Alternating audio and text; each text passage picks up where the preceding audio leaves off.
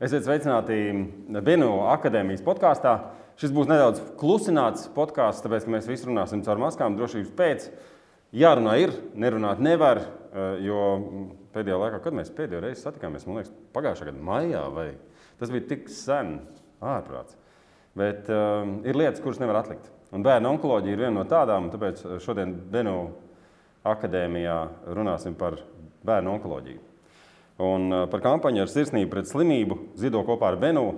Un tā ir iespēja atbalstīt ģimenes, kuras saskārušās ar bērnu onkoloģiju. Un, un šīs kampaņas mērķis ir palīdzēt ģimenēm sekt valsts nekompensētos ārstniecības izdevumus un sniegt arī uh, psiholoģisku atbalstu. Ņemot vērā to, ka vecāki, kur saskaras ar bērnu onkoloģiju vai pat baidās par to domāt, arī viņiem ir vajadzīgs atbalsts, turklāt speciālists atbalsts, kas zina, kā tādās situācijās rīkoties. Un arī mēs varam uh, palīdzēt varbūt tiem, kuriem blakus ir tādas ģimenes, kuriem ir draugi, kur bērniem ir onkoloģiska saslimšana, un uh, atbildēt uz jautājumu, ko tādā situācijā darīt, kā izturēties. Mēģināsim ar to visu tikt galā. Un tāpat kampaņas laikā sabiedrībā tiek aktualizēta bērnu onkoloģijas tēma, kliedēti mīti, jo arī to netrūkst kas saistīta ar bērnu onkoloģiju, un sniegts informatīvais atbalsts par pieejamām atbalsta iespējām bērnu saslimšanas gadījumā, lai vecāki zinātu, kur vērsties un, un kādas ir iespējas.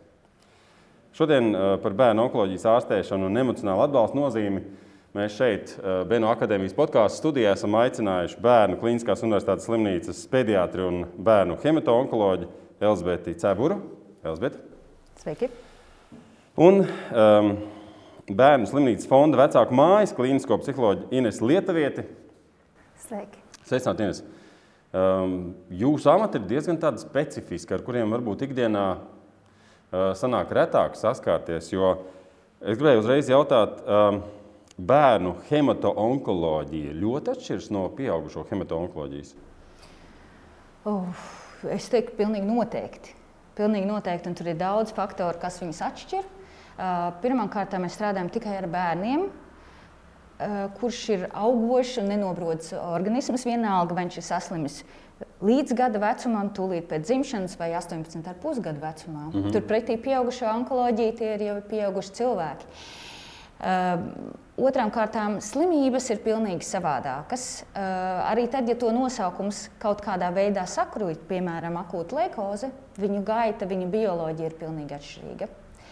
Un bērniem, jebkurā gadījumā, tās slimības ir daudz, lielākoties ir daudz agresīvākas, bet ar daudz labāku atbildību uz ķīmijterapiju. Viņi prasa ļoti smagu ārstēšanu, mm -hmm. bet tā izārstēšanās iespēja, izārstēšana pavisam ir ar lielu iespējamību. Mm. Ļoti lielu iespējamību mūsdienās.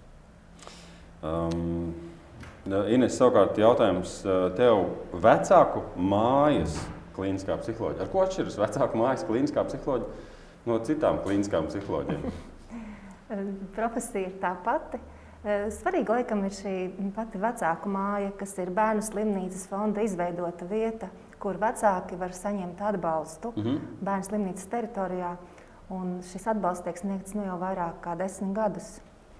Un, uh, iepriekšējais gads mums ir arī bijis liela sadarbība ar onkoloģijas nodaļu, bērnu hematonkoloģijas nodaļu, jo bērnu slimnīcas fonds realizēja atbalsta projektu ģimenēm, bērniem, holistisku, multidisciplināru atbalstu tieši bērniem, kas ir saskārušies ar onkoloģiskajām saslimšanām. Mm -hmm. Un līdz ar to nu, mēs eh, vecāku mājā esam ļoti vērsti uz atbalstu tieši ģimenei kopumā. Slimnīcā strādā arī psihologi, kas atbalsta bērnus, kas konsultē, varbūt tieši ar bērniem strādā, bet mēs cenšamies saglabāt šo holistisko pieeju. Mm -hmm. Kam tā ir lielākā citu, problēma - vecākiem vai bērniem? Jo, nu, vecāki laikam tomēr redz visu to lielo bildi, un viņam ar visu jātiek galā ar pašu, ar darbiem, ar bērnu, ar atbalstu, ar nezinu, drūmām domām. Kā tur ir? Es domāju, ka pilnīgi viennozīmīgi. Vecākiem tā ir lielāka, nu, lielākas ciešanas un bēdas nekā pašam bērnam, kuram, nu, protams, ir gan šīs ļoti smagās procedūras, sāpīgās un, un nepatīkamās lietas, un, un, un ķīmijterapijas blakus efekti. Tomēr viņam blakām ir vecāks. Mm -hmm. Bieži vien bērni pat nenojauš, cik nopietnas ir viņu stāvoklis. Mm -hmm. Bet vecāku reakcijas savukārt nu, ļoti dažādas. Un, Tāpēc ir svarīgi atbalstīt vecākus, lai viņi varētu atbalstīt savus bērnus. Pirmais jautājums. Kāda vispār Latvijā ir situācija ar bērnu onkoloģiju? Cik daudz bērnu onkoloģijas gadījumu gadā tiek atklāti un kāda ir tendence vispār? Pēdējos gados, un arī viss, teiktu, tā, tā tendence ir stabila un vienāda. Labā ziņa ir tā, ka to gadījumu skaits nepieaug krasi. Sliktā ziņa ir tā, ka viņi arī nemazinās nekādā veidā. Un, uh, vidēji tie ir jā, 50, 60 gadījumi gadā, jauni. Uh, daži ir tādi, kas, ka, kuriem slimība atkārtojas.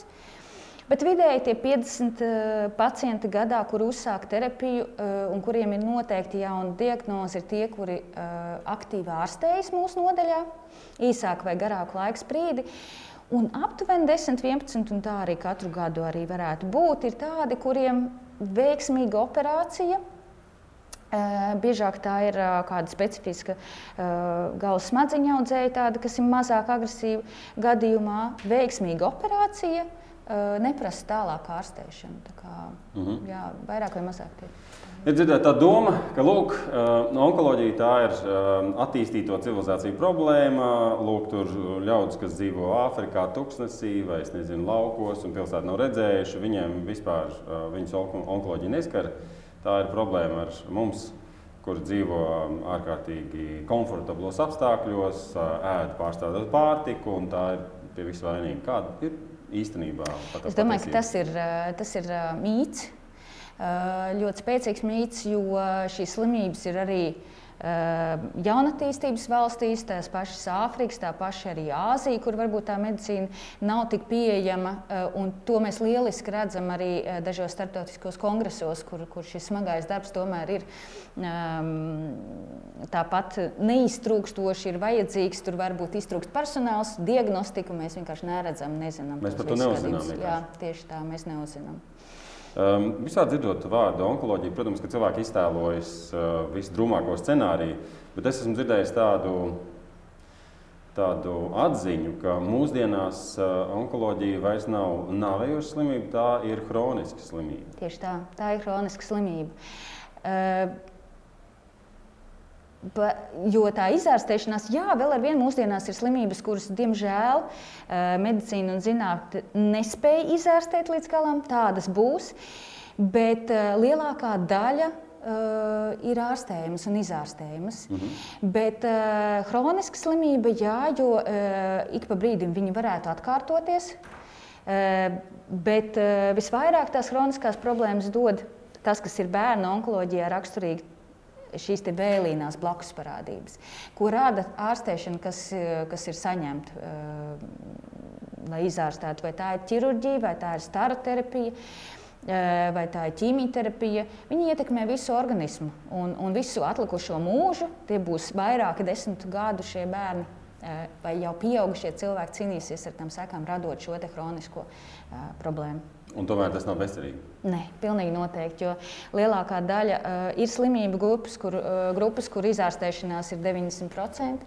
Ir slimību grupas, kur tas ir nedaudz zemāk, bet tā galīgi nav. Uh, teiksim, tā mirstamā kaita. Mm. Ir īpaši, ja runājam par bērniem, galu galā viņiem viss dzīve priekšā. Tieši tā. Reizēm pieaugušiem piezogs tāda sajūta, ka nu jau būs gana. Mm -hmm. Un tad droši vien ir īpaši grūti palīdzēt. Mm -hmm. Bet kas notiek Ines, cilvēka galvā, kad um, atskan šāda diagnoze? Pārsvarā šī diagnoze atskan tad, kad mēs neesam gatavi. Ja, un, un, un man ir milzīgs prieks dzirdēt doktoru teiktu arī par šo izārstējamību, jo mums patiešām ir šie stereotipi par onkoloģiju. Un, līdz ar to vecākiem nu, ir vissliktākie scenāriji priekš, nu, galvā. Un arī milzīgas bailes, milzīgs šoks, nespēja pieņemt vai noticēt, ka tas var atgadīties ar viņiem. Jo mums katram ir tāda, nu, tāda cerība tādai taisnīgai pasaulē. Un tā kā onkoloģijai mēs nevaram atrast iemeslu, ir ļoti daudz tādu neskaidrību, kā tas varēja atgadīties. Par ko? Mūsu, ko es par ko? Izdarīju? Jā, un ļoti, ļoti daudz ir neziņas. Un, Manuprāt, arī tajā pirmajā šoka fāzē ārkārtīgi daudz dažādu lēmumu ir jāpieņem. Jo ir, nu, piemēram, jāpiekrīt ķīmijterapijai, jāparaksta kaut kādi ārstēšanas papīri, vai jāsorganizē ģimenes dzīve, kura uz, nu, uz tuvākajiem deviņiem mēnešiem vai pat ilgāk tiks pilnībā pārorganizēta. Ir jāatrod kaut kāds spēks pateikt tuviniekiem vai darba kolēģiem. Un tās bieži vien ir lielas problēmas, vai ne? Tā kā cilvēki ir nu, pārņemti ar to.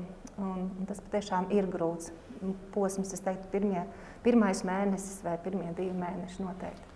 Um, Kur vecākiem tādā brīdī vērsties pēc palīdzības? Jā, viņš runā ar ārstiem, ar onkologu, un uh, tur ir stāsts par to, ko mēs un kā tagad darīsim, bet kur viņi var vērsties pēc tāda psiholoģiska, emocionāla atbalsta? Es domāju, ka kontakts ar ārstu ir primārs. Jo tomēr vecākiem ļoti svarīgi ir dzirdēt informāciju no ārsta.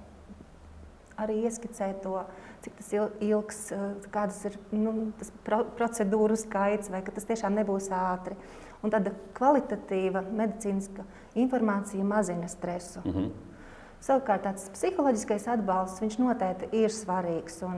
Nereti nu, cilvēki ir tādi, tik izmisuma, tādā izmisuma stāvoklī, ka šī uzticības persona var nebūt tieši psihologs, bet jebkurš cits vecāks, kurš varbūt ir blakām, kur nejauši izdodas sarunāties un izraudāties uz pleca, vai varbūt kāds tuvinieks vai, vai, vai, vai kāds cits cilvēks. Jo skaidrs, ka tās emocijas ir tik spēcīgas, ka ir nepieciešams ar viņām dalīties.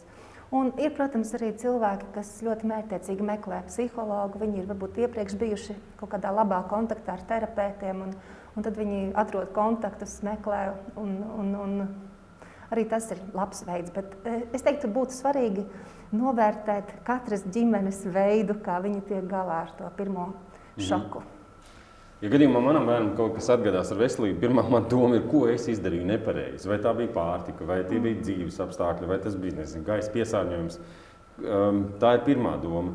Uh, vai vecāki bieži vien saskaras ar vainas apziņu, piemēram, tādā situācijā? Pilnīgi noteikti. Tas ir nu, viens no nu, galvenajiem tematiem. Tiklīdz mēs esam sapratuši, kur, kur mēs esam, ka esam onkoloģijas nodaļā, kā notiek ārstēšana, sākas šīs daudzās domu virtenes par, par kas, ir, kas ir bijis vainīgs, kas ir noticis. Un man ir ārkārtīgi žēl dzirdēt arī par dažādiem ģimeņu mītiem, nu, kur mēs zinām, ka tur ir kaut kādi arī saudabīgi nostāsti, kāpēc un, un kur tur ģimenē kāda problēma vai dzimtas kokā vai, vai, Un, un, un, un, un tas, diemžēl, vecākiem ārkārtīgi nepalīdz šī vainas apziņa, jo droši vien doktori var vairāk pastāstīt, ka īsti nav pierādījumu, kāpēc rodas onkoloģiskas saslimšanas. Kā tur ir? Jā, tieši tā. Ja pieaugušam, ja mēs varam atrast dažādus faktorus, kas ir apkārt, visiem zināmie, bet bērnam tāda nav. Un dažkārt varbūt iecimtība Uh, ir statistika, ka apmēram 8 līdz 10% bērnu varētu atrast kādu iedzimtību, kāpēc uh, tas organisms ir tendēts uh, uz, uz audzēju attīstību vai šo slikto šūnu neiznīcināšanu, kas ļauj attīstīties audzējiem. Bet pārējie Tur nav zināms faktoru. Un katrā ziņā vecāku vaina vai uzturs vai uh, dzīvesveids vai uh, kādreiz vaino vakcīnas un citas lietas, medikamentus, tas neizraisīs. Tāda statistika un dati nav. Mm -hmm. Uh, mums jau gribas vienmēr atrast kādu vienkāršu atbildi, un parasti tur ir pilni sociālai tīkli ar cilvēkiem, kurus simtprocentīgi zina, jo mm -hmm. viņi zina divus gadījumus, kad tā ir noticis. Un, uh, vai arī viņiem ģimenē ir piemēram blāsts. Jums sanāk kādreiz cīnīties arī ar tādiem mītiem? Es esmu dzirdējusi, piemēram, mammu, kas ļoti sevi šausta par to, ka ar bērniņu uz rokām ir bijusi kapos. tāds, nu, tāds ticējums, ka kapos var kaut kas slikts notikt ar bērniņu. Viņa tā mazliet viņa pārliecināta, ka tas varēja notikt tāpēc, ka viņa bija kapos ar bērnu uz rokām. Kā jūs varat palīdzēt tādam cilvēkam? Nu, protams, ka mēs visu laiku tomēr kliedējam tos mītus, un, un tas ir svarīgi arī šis podkāsts, lai tas izskan skaļāk, ka nav tādas sakarības starp mm -hmm. šīm šīm saslimšanām. Un... Un mēs pat nevaram runāt par zinātniskiem pētījumiem. Būtu ļoti dīvaini zinātniekiem kaut ko tādu prasīt. Bet, Bet es domāju, eh, ka būtu interesants pētījums par šiem mītiem. Par mītiem, jā. Bet tas vairāk būtu psiholoģisks dabas pētījums, nevis uh, onkoloģisks. Uh, kā vispār var saprast, vai kā, kad vajadzētu pievērst uzmanību bērnu veselībai, kādas pazīmes varētu liecināt par onkoloģiju? Um, Pirmkārt, ir tas, ka jebkādas pazīmes, un, un bērniem nevajag skatīties, ka tik nav kāda slimība un ka tik manam bērnam kaut kas nav. Tur neko nevar darīt. Tas ir, uh, bet, uh, tas ir tīri dabīgi. uh, un, uh, un ņemot vērā, ka bērnu onkoloģija pat par sevi ir tāda, mm, viņa maskējās, viņa atradīs uh, to masku, uzliks kādas citas slimības ēnā. Un tās ir ārkārtīgi retas slimības, ja mēs tomēr ņemam cik 50 gadījumu uz, uz visiem bērniem, kas ir Latvijā. Uh, Bet eh, ja kāda pazīme, kas, eh, kas ir ilgāku laiku un kas rada bažīgu, liek to, ka jādodas pie ārsta. Mm -hmm. Vai tas ir drudzis, kuram nav cita iemesla, vai tie ir kaut kādi veidojumi, eh, bumbuļi, vai tas ir limfmezgls kaklā, padusēs, vai varbūt vēderā kaut ko. Kādreiz ir tas, kad vecāki veidojumi vēderā paši sataust, vannojot zīdainīti. Uh, vai, piemēram, sēklnieku palielinājumi bez cita iemesla. Varbūt, ka tie ir ziluma pēkšņi milzīga veidošanās, kas līdz tam nav bijusi. Jebkura veida sāpes, kas ilgāk pieturās un nepāriet, īpaši naktas laikā. Mm. Ir jāpievērš uzmanība un jādodas pie mm -hmm. ārsta. Uh, jāatcerās, ka bērnam nekad uh, normāli nesāpēs mugura atšķirībā no pieaugušiem, īpaši naktī. Un uh, galvas sāpēm, kuras mainās, kuras parādās. Um, īpaši raksturīgas, piemēram, ir no rīta kopā ar sliktu dušu. Tas var liecināt par kādu no mm, galvas smadzeņu uh, veidojumiem. Uh, tāpat, ja parādās uh, tāda līdzsvara traucējumi, redzes traucējumi, šķīlēšanas, kas līdz tam nav bijušas. Uh, Mīlam visi tagad visu fotografēt, un ja mazam zīdainītim vai maza vecuma bērnam redzam, kad atstiņās, tur, kur parasti ir vai nu šis sarkanais atspīdums, ir kāda balta spīd, tas arī ir zīme, kad ir ar steigu jādodas pie -hmm. ārsta. Kas vispār ir tie izplatītākie nu, saslimšanu veidi bērniem? Bērniem tā vislielākā viena no galvenām grupām būs akūtas leikēmijas un limfomas. Otra milzīga un lielākā galvenā grupa būs uh, dažāda veida uh, un agresivitātes pakāpes smadzeņu audzēji, nervu sistēmas audzēji. Un tad pārējie visi citi, kas varētu būt kādā orgānā, nierē, saknās, kaulos, mīkstos audos, kādi mm -hmm. citi. Um, un tad, ko tādā brīdī darīt, kā notiek ārstēšanas process, eh, kas ir pirmais solis, otrais solis, trešais solis, ar kādu laiku rēķināties? Pirmkārt, bērnam ir jānonāk pie speciālista un pie tās diagnozes. Vai tas notiek caur ķirurģijas nodaļu, kur ir par cik ir veidojums un tiek ņemtas biopsijas, vai tas pat taisno ir um, caur uzņemšanu nodaļu un tad uzreiz uz onkoloģijas nodaļu, tāpēc, ka ir radušās aizdomas. Uh, Tad pirmais ir šis diagnostikas process, kurš, diemžēl, var aizņemt diezgan ilgu laiku. Tas pilnīgi noteikti jārēķinās, ka tā nebūs konkrētā diena, kad uh, tiek noteikta diagnoze. Tas var aizņemt arī pāris nedēļas, lai būtu maksimāli precīzi. Mm -hmm. Kādreiz arī uh, ir tā, ka mums ir jāprecizē tā diagnoze papildus, uh, konsultējoties uz eh, šiem centrā, citām laboratorijām, citās valstīs, kur ir specializācija, tikai tāpēc, lai mēs būtu pārliecināti, kā labāk ārstēt un, un kā labāk uh, nozīmēt kādu terapiju un kādas būs prognozes. Bet cilvēki bieži vien saka, ka nu, tur jau uzreiz jāvāc nauda un jābrauc uz ārzemēm. Latvijā diez vai kaut kas tāds notiek, diez vai mēs varam palīdzēt. Uh, Praktiski visas slimības Latvijā var uh, ārstēt. Mums iespējas un pieejamības uh, visas ir. Uh, gan ķīmijterapijai, gan uh, ķirurģijai, gan starterapijai. Atsevišķās situācijās uh, ir tā, ka mēs neveicam kādas procedūras, piemēram, bērniem mēs netaisām uz vietas uh, cilmšķunu transplantāciju. Mm -hmm. Mums ir cieša sadarbība ar Viņas klīniku, mm -hmm. kas ir valsts apmaksāta. Un arī, e, ja ir vajadzīga kāda specifiska izmeklējuma, mēs meklējam iespējas tos izdarīt. Tā skaitā arī piesaistot uh, slimnīcas fonda līdzekļus, ja to neapmaksā valsts. Um, jūs skatāties Beno akadēmijas podkāstu. Šoreiz mēs runājam par bērnu onkoloģiju. Šī podkāstu nosaukums ir Bērnu onkoloģija, ārstēšanas iespējas un līdzcilvēku nozīme. Tūdaļ arī par līdzcilvēku nozīmi mēs runāsim. Pat tad, ja tas nav gadījums jūsu ģimenē, bet jūsu draugu ģimenē vai radu ģimenē, runāsim, ko mēs varam darīt palīdzēt un kādā veidā atbalstīt. Ehm, jau piekto gadu Beno aptieku sadarbībā ar Bērnu slimnīcas fondu organizē labdarības eh, kampaņu ar sirsnību pret slimību, ziedo kopā ar Beno. Un, um, tādā veidā tiek atbalstīts ģimenes, kuras saskārušās ar bērnu onkoloģiju. tiek kliedēti mīti, um, tiek nodrošināts, ka šīs ģimenes saņem visu nepieciešamo informāciju, un arī tiek sakti izdevumi uh, tiem gadījumiem, kad valsts tos nesedz. Un mēs šodien runājam ar Bērnu Kliniskās Universitātes slimnīcas pediatru un bērnu hematoloģiju Elzbieti Ceburu un um, klīnisko psiholoģiju Bērnu slimnīcas fonda vecāku mājā uh, Ines Lietuvieti. Un nākamais jautājums tiešām ir, kā tuvinieki, radi, draugi var atbalstīt šādu ģimeni vai šādus vecākus? Um, pirmkārt, es domāju, ka ļoti grūti mums ir padalīties ar šo slikto ziņu ar citiem. Jo, nu, kā jau mēs runājām, ir daudz to mītu, un bieži vien mm, vecāki, kuriem ir nākas pateikt šo ziņu, tuviniekiem saskars ar dažādām no nu, briesmīgām reakcijām, piemēram, šausmas vai, vai arī kaut kādām tādām ļoti sāpīgiem jautājumiem, vai, vai, tas, vai tavs dēliņš izdzīvos, vai, vai nu, labi, ka jums vēl ir viens bērniņš. Tā arī saka. Nu, tā reizēm gadās, ne, jo mēs tajā apjukumā dzirdot to informāciju, nespējam noreaģēt reāli. Un, un, un līdz ar to jāsaprot, ka vecākiem jau tā ir grūti par to mums pateikt. Un tik svarīgi, nu, ko mēs atbildam, vai kā mēs reaģējam. Un noteikti tāda dramatizēšana un emocionāla vaimanāšana nav tas, ko vecākiem vajag šajā krīzes brīdī.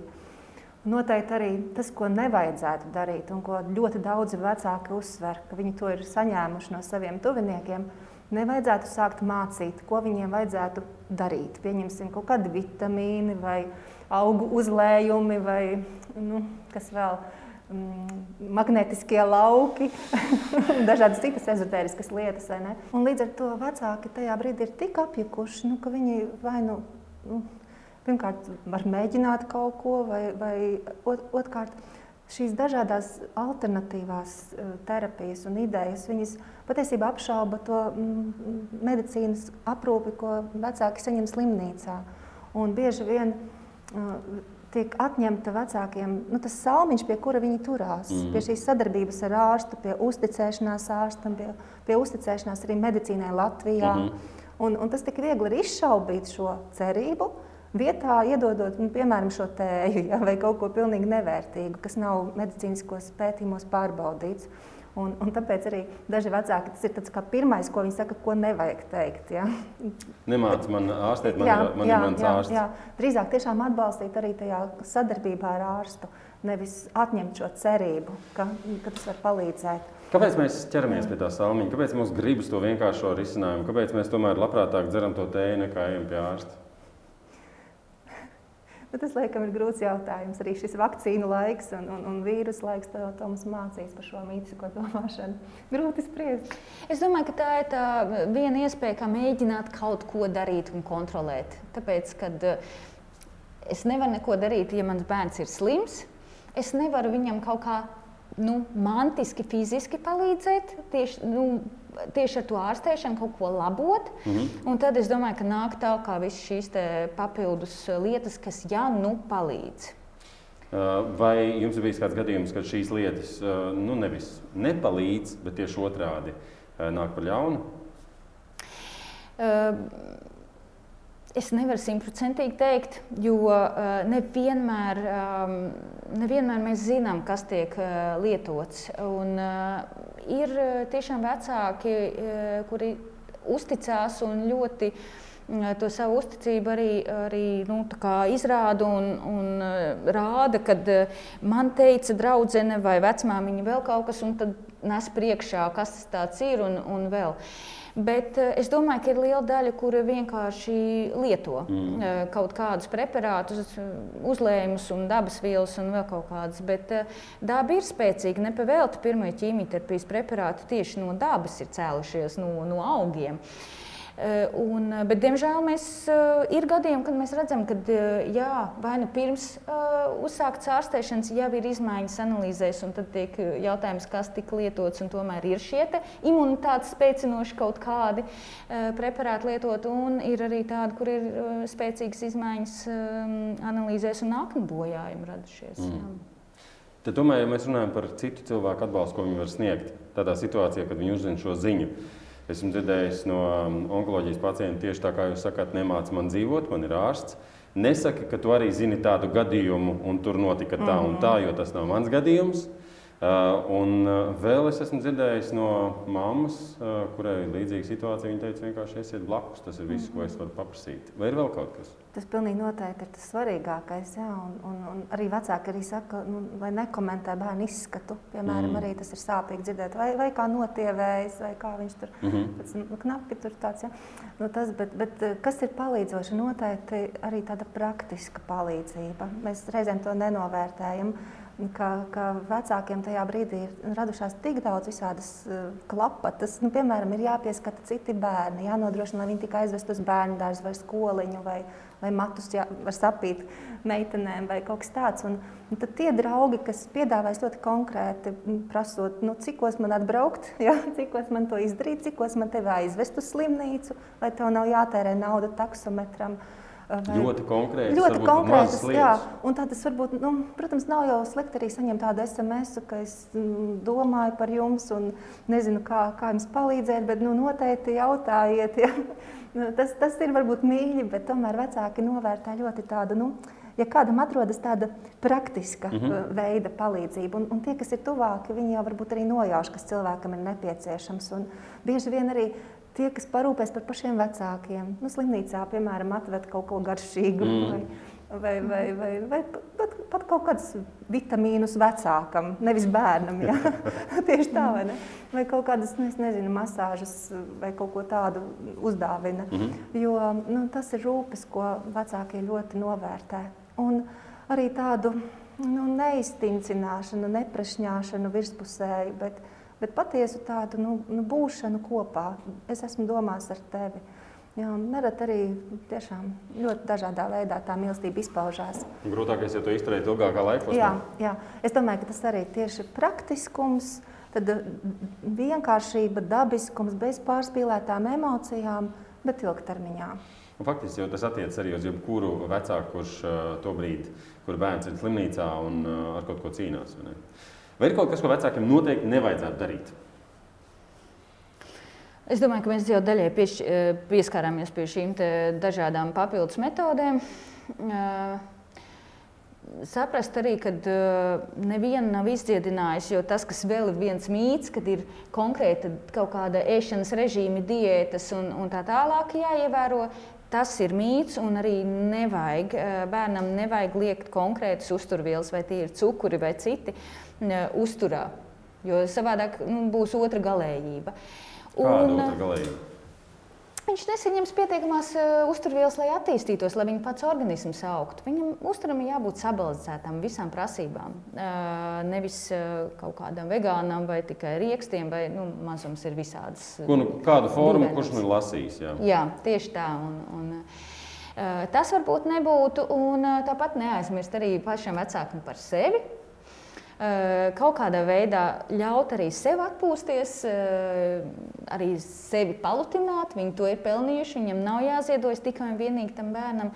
Eh, neaizmirst par citiem bērniem, kas ir mājās, un neaizmirst par labu miegu. Gan, gan pašam tam bērnam, kurš slimo un ārstējas, gan, gan viņam kā klātesošai personai, kam jābūt enerģiskam.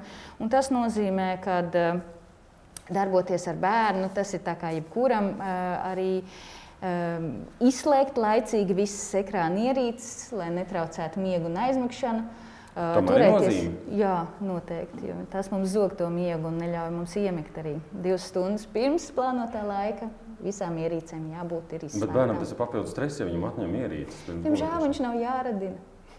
Tā ir tā problēma, ar ko, ar, ar ko ikdienā mm. es satiku. Vienu, es piebildīšu, es satiku vienu mammu, kur nu, es viņu aicināju piedalīties atbalsta grupā, kur mums notiek zūmā dažādu epidemioloģisko ierobežojumu dēļ. Viņa saka, ka diemžēl es nevaru. Mēs nelietojam nevienu telefonu, lai bērns neredzētu, ka tādas ir. Oh. Jo skaidrs, ka tas arī nu, ļoti ievelk tajās garajās ārstēšanās nedēļās un mēnešos. Bērnam ir ļoti svarīgi ar kaut ko nodarboties. Un, un, un, un bieži vien tas ir risks ar tādiem mm -hmm. vietāluņiem. Mm. Mm. Kā vispār pandēmija ir ietekmējusi jūsu darbu, darbu ar bērniem, ar vecākiem? Ko ņemt vērā, kas ir citādi?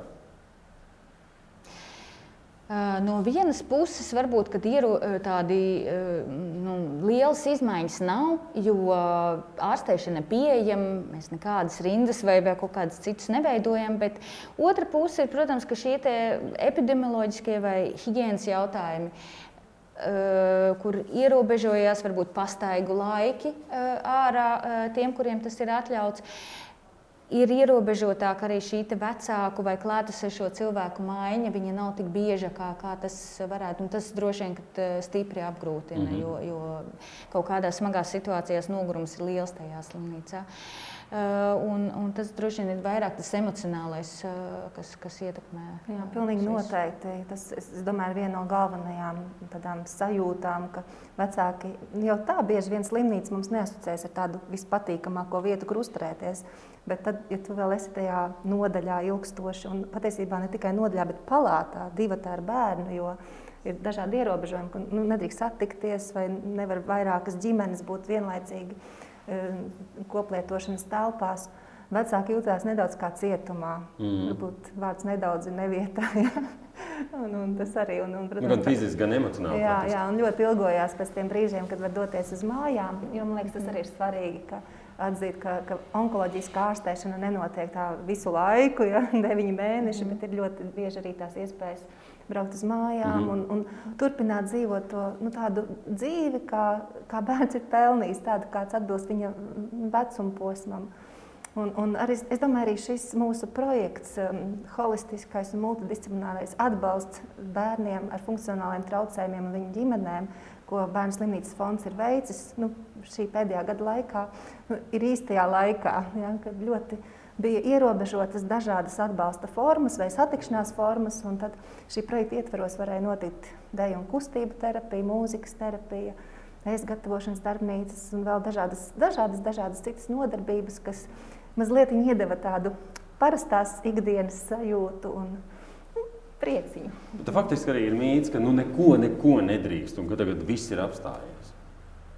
Nē, tā, tā pilnīgi nav. Un, uh, tas, ko es parasti uh, mūdinu savus uh, pacientu, pacientus, ja viņi ir lielāki un vecāki, nu, īpaši tajā brīdī, kad viņi dodas mājās, Jo ir tā baila, ka kaut kas nenotiek tam bērnam. Nu, es mudinu, nu, nu, dariet maksimāli, lai ir tā dabīgā vide. Mm -hmm. Ejiet ārā, ejiet staigāt, kustēties, jo tas ir arī pierā, jau sen pierādīts un ielikts vadlīnijās, ka ir jābūt fiziskām aktivitātēm, lai mazinātu šo fizisko nogurumu um, ķīmijterapijas laikā un lai arī veicinātu visu smadziņu attīstību kā tādu un, un neliekt bērnam rotaļāties um, smiltīs un tā tālāk, kur tas, kur tas pienāks, lai viņam būtu normāla attīstība. Mm. Jo vispārējā dzīve turpinās par spīti slimībai. Jā, tiešām. Um, es saku sirsnīgi paldies mūsu šīsdienas viesņām. Uh, labdarības kampaņas ar sirsnību pret slimību ziedo kopā ar Benu. Uh, laikā kopumā līdz šim ir saziedoti 81,000 eiro. Un pateicoties tam atbalstam, Bērnu slimnīcas fonds četru gadu laikā ir palīdzējis un sniedzis atbalstu daudziem maziem pacientiem un viņu ģimenēm. Tā skaitā ne tikai ārstniecību, um, tiem ārstniecības veidiem, kurus nesedz valsts, bet arī emocionāls. Uh, emocionāls atbalsts, tāpēc mēs runājam ar sirsnību pret slimību.